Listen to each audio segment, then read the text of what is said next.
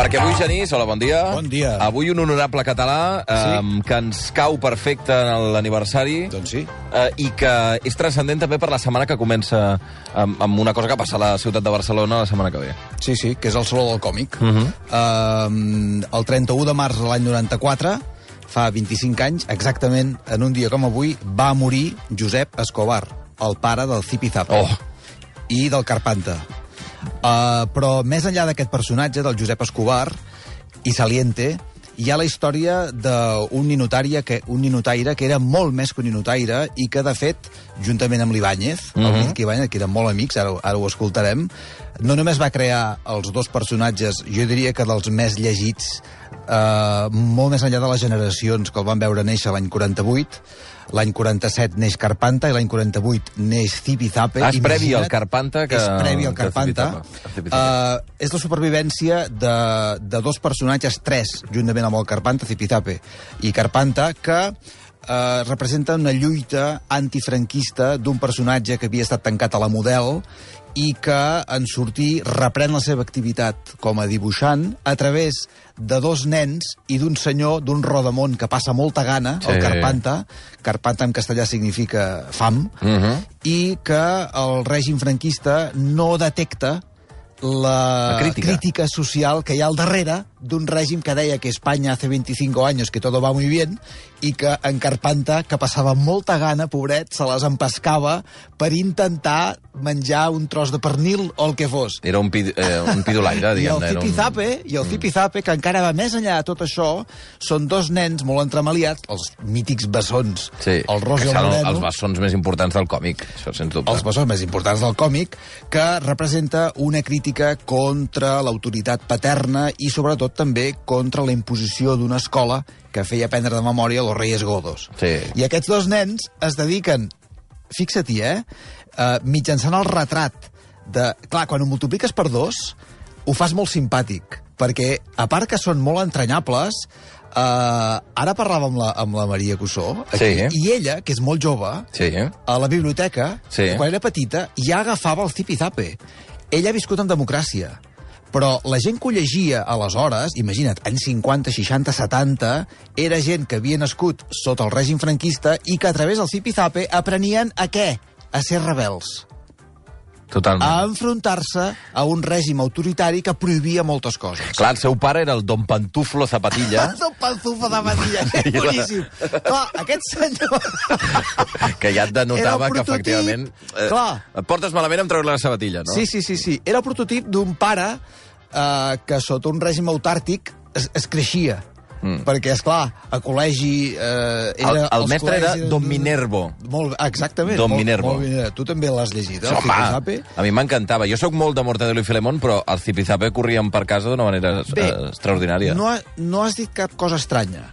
O sigui, el... Ci- A veure, no, no voldria fer comparacions estranyes, eh? però el que és Mortadelo i Filemón, amb Ibáñez, mm. és Zipizape amb, amb, el, amb el Josep Escobar, eh, i també és la superació... O sigui, el i Filemón, com a investigadors privats, són un desastre. Un desastre, eh? sí, sí, absolutament. La tia. La tia. O sigui, és una mica el de dir, això és Can Pandereta. Totalment. Aquí no hi ha res que funcioni Can bé. Eh, però, però, però, bueno, és que, el, és que hi ha una cosa que em fa molta gràcia de, de l'Escobar, que són els noms que tria per fer totes aquestes historietes. Fixa-t'hi, eh?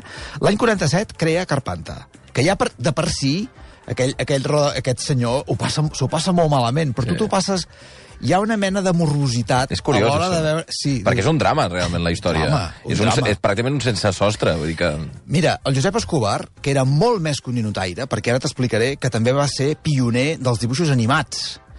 Va donar classes de dibuix al Terenci Moix. Era professor de dibuix. Que bo.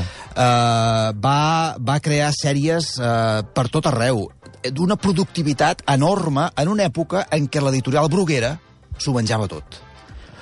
Molts dibuixants van caure sota les grapes totalment imperials d'una editorial que ho dominava i que per quatre xavos havies de fer una quantitat de pàgines i pàgines per, per sortir-te'n. I aleshores, gent com el Josep Escobar, eh, que va néixer a Barcelona, no ho hem dit, però té la vida, va tenir la vida molt afincada a Granollers, uh -huh. ciutat que sí li ha retut homenatges molt importants, entre els quals, per exemple, eh, ara tinc a les mans un llibre és que ho dic abans de que se'n passi, del Joan Manuel Soldevila, eh, que es titula El pare de Carpanta i Zipizape, publicat per Pagès Editors. Uh -huh. Està molt bé aquest llibre. Qualsevol que vulgui saber més de Zipizape ha de llegir aquest llibre la biografia on explica precisament, és molt bo, això que t'anava a dir abans, ara no, no em perdo, tranquil·la, eh? No, no, no, no. El 47 crea Carpanta, el Sí. 48 Zipizape, el 51 és l'any del naixement de Doña Tula, suegra.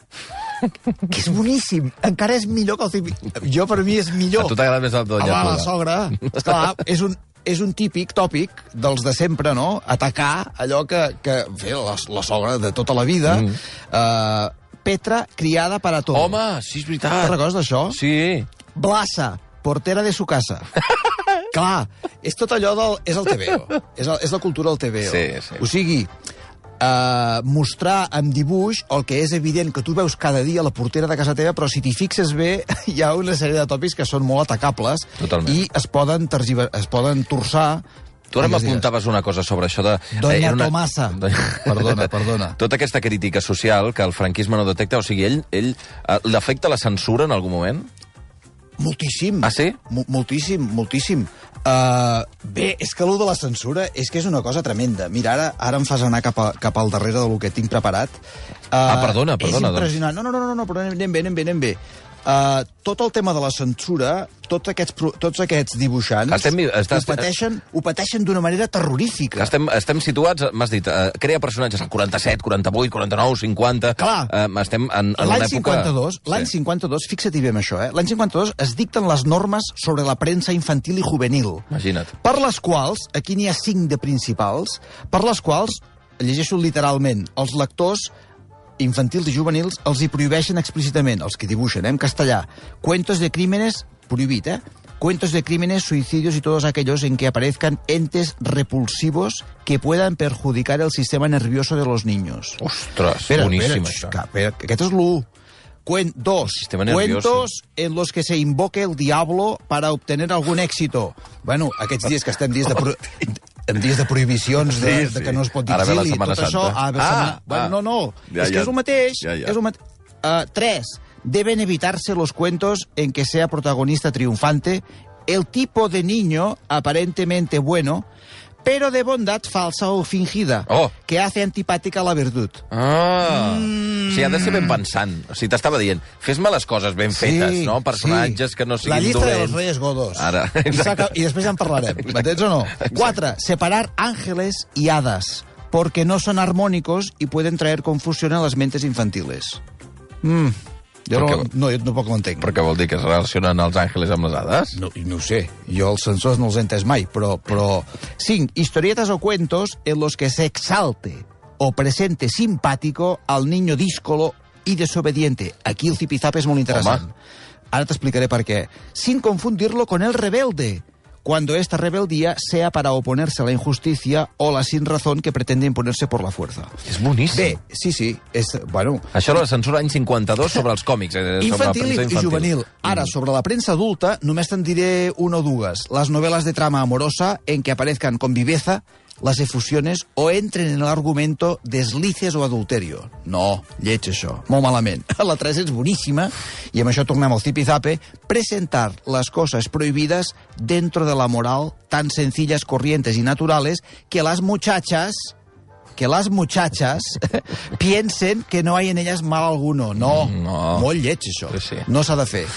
Faldilla fins a sota el genoll. Em parlaves de- d'Ibáñez eh, i, i crec que el volies citar perquè crec que ell ha parlat d'Ibáñez Ell ha parlat moltes d'Escobar. vegades del Josep Escobar i amb, amb molt de- amb molt d'efecte, sobretot perquè no tan sols són coetanis, sinó perquè el coneixia molt bé. Escobar fue, fue un gran amigo. Escobar fue, el- además fue, fue un hombre que no se limitó a hacer, a hacer historietas, no, no. Aquel, aquel abarcaba, eh, hacía historietas, escribía eh, obras de teatro, eh, pintaba cuadros, hacía publicidad, eh, cultivaba en su casa, cultivaba la- las avellanas, cultivaba patatas, hacía todo lo que se puede hacer en este Sí, mundo, sí. lo hacía Escobar. Escobar fue un hombre, pues, una, verdad, una verdadera maravilla en cuanto a la historieta.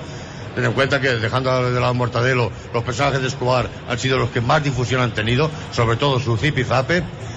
Escobar fue el- único, el único dibujante, el único historietista que consiguió dárselas con queso a la, a la censura del país con su personaje que se llamó Carpanta.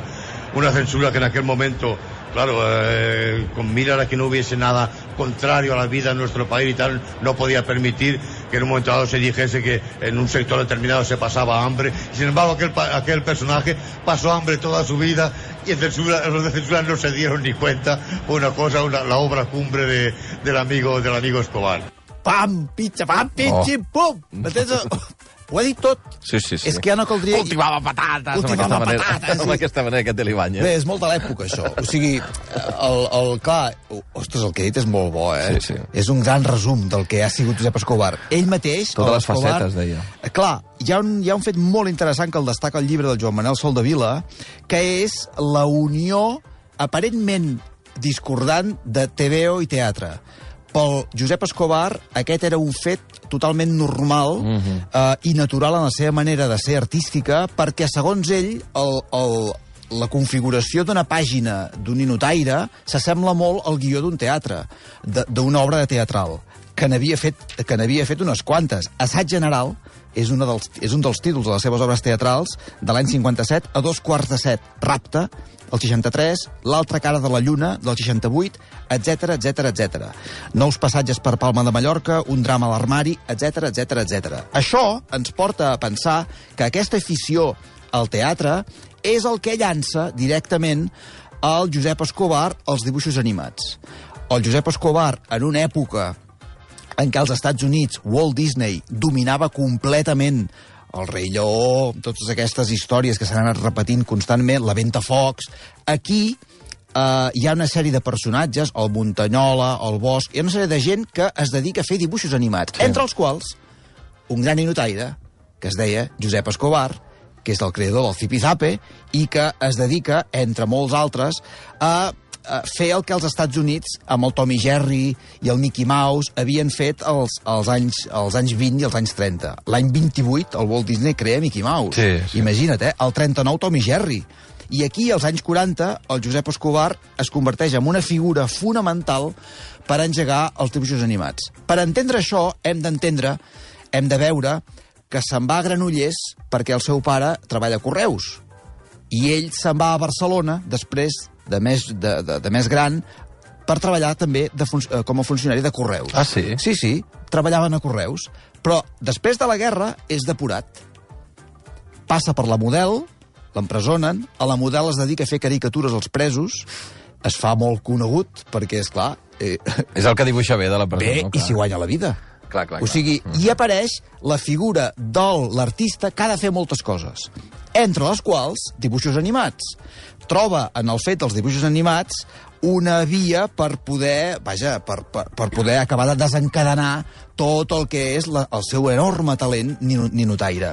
Uh, treballa uh, en col·laboració amb el fotògraf granollerí Josep Bosch, uh, fan la rateta que es comprava a l'escaleta, un dels primers uh, una de les primeres propostes d'animació al A país. Catalunya. Uh, L'any 42, amb el Jaume Bagunyà i Alejandro Fernández de la Reguera, propietat de l'empresa d'animació madrilenya d'Ipsono Films, uh, fusionen uh, els dibuixos animats Chamartín.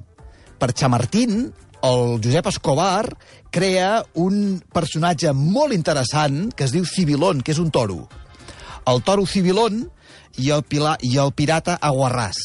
Aguarràs també es convertirà en un altre d'aquests personatges. Doncs bé, a través del Cibilón, ell crea la Cibilona, que és una... Un, una, un, Una vaca, deu la, ser. Exacte, és la senyora del Cibilón, i a partir d'aquí, eh, eh, la Cibilona, eh, que és una vaqueta, és una vaqueta molt coqueta, aprofita per colar uns altres gols mm. a, la, a la censura. O sigui, a través d'un animal que és el, el, el símbol espanyol per antonomàcia, no? el Josep Escobar es Critica dedica... el règim. Critica... Bé, És molt bo que hagués estat empresonat. subtilment. No? Sí, sí. Eh, I que a partir d'aquí utilitzi el seu art a través de eh, saltar-se la censura per criticar també el, sí, sí, sí, el sí. sistema polític. Crea un altre personatge en, en cinema, en dibuixos animats, Sí. a través de Chamartín, que es diu el Fakir González. Aquest el González fa una cosa que fa molta gent a l'època, que és anar a l'Àfrica. Uh Mhm. -huh. I va anar a l'Àfrica, on el, el, el, ha...